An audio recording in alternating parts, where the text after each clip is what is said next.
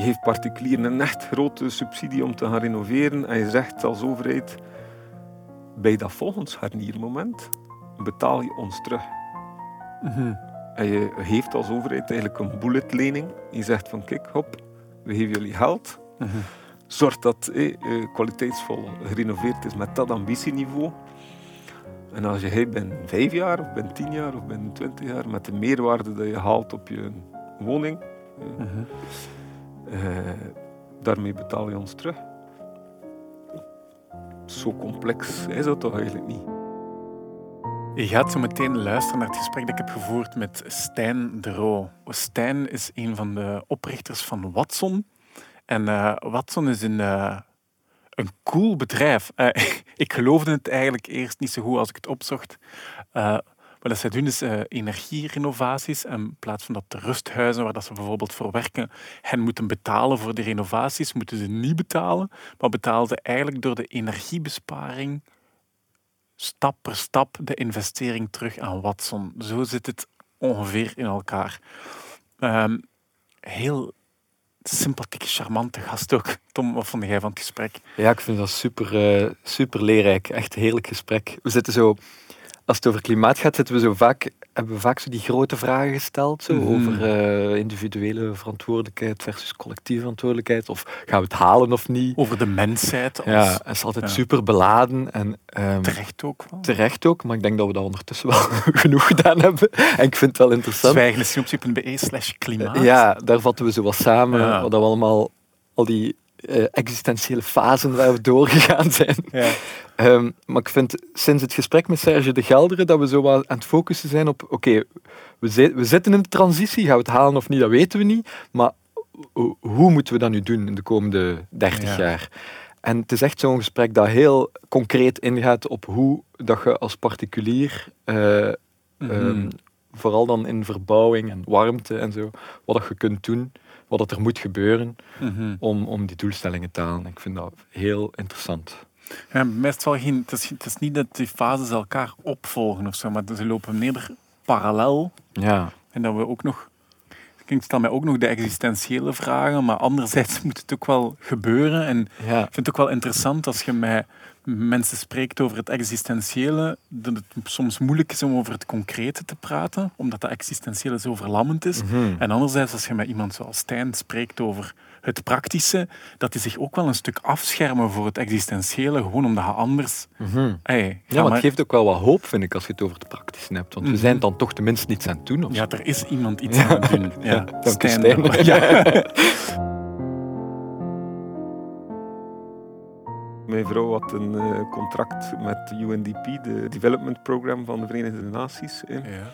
in een regio in Tanzania waar dat er eh, tegen de grote meren, eh Tanganyika-meer, eh, tegen de grens met Rwanda en eh, Burundi, heel veel vluchtelingen gehad in de tijd van de jaren 90 met de genocide enzovoort. En ik ben dan ook op zoek gegaan om daar iets te vinden en er was toevallig een, Belgische ondernemer actief die geloofde in, oké, met lokale palmolie kunnen we biodiesel maken.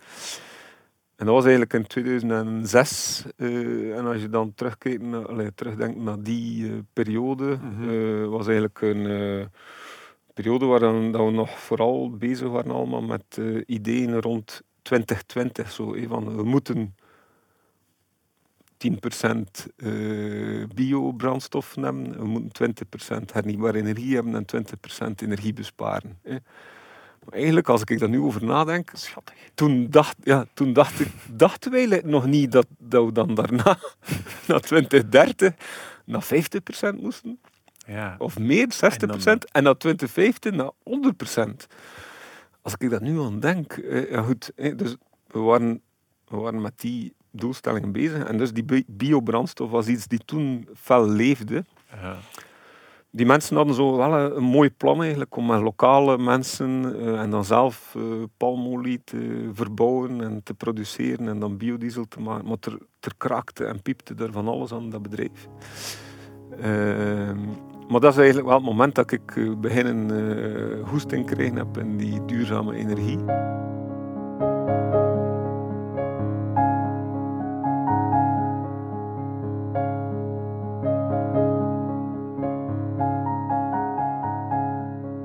Ik heb het per project alleen maar gezien op Ja. jullie site. Zo, hoeveel ton CO2 dat er elke keer bespaard wordt. Nee, zo, ik weet niet of dat jij het opgeteld cijfer kent. Ik ken niet alle projecten. Het is- fucking veel.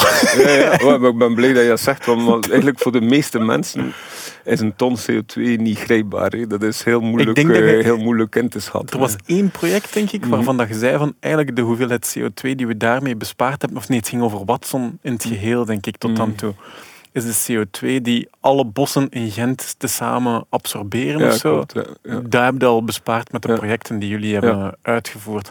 Projecten waarvoor dat die mensen, die bedrijven zelf niet upfront moeten betalen, Klopt.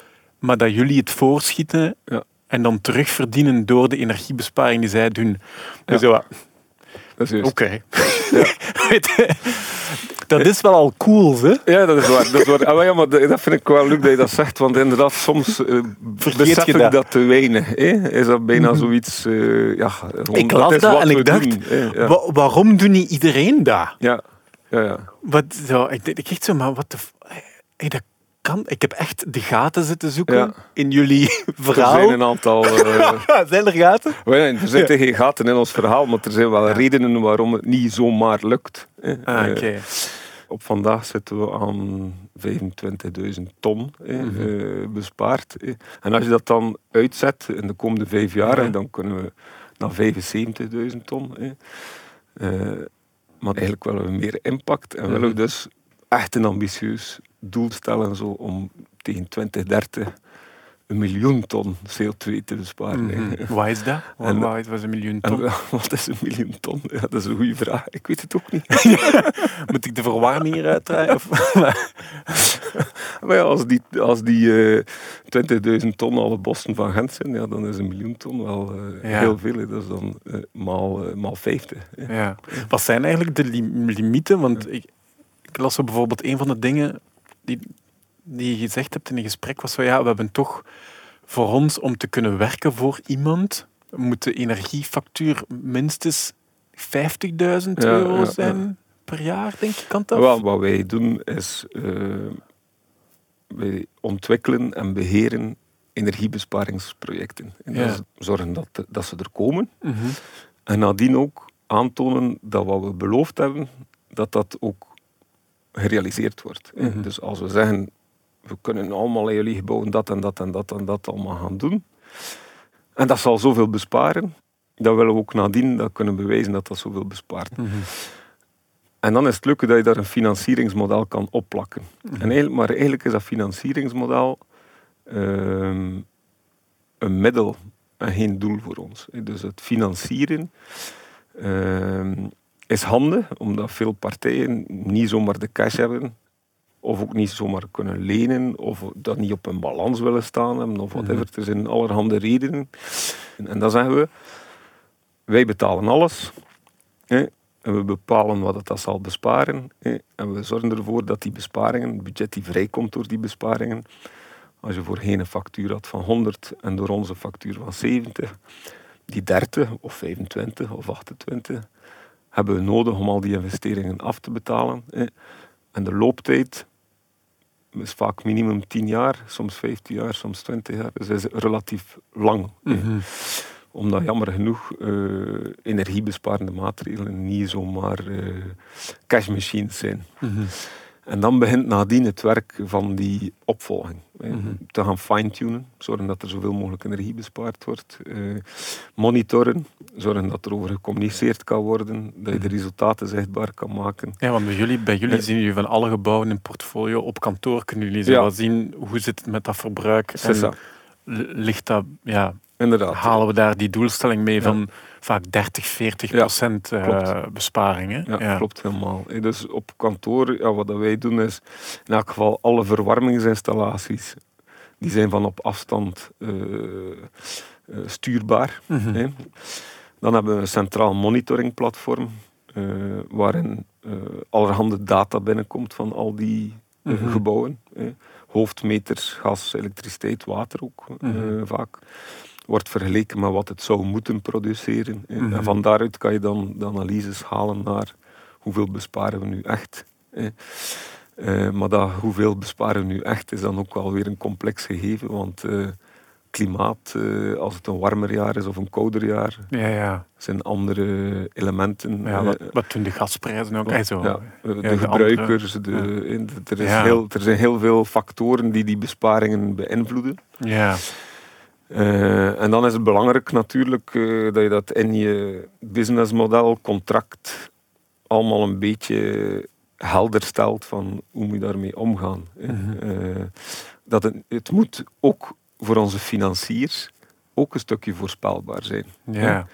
Want het is allemaal leuk dat we dat inderdaad zelf financieren. Maar dat geld komt ook ergens vandaan. Ja, het Ja. moet ook t- op een of andere manier terugkeren. Ja.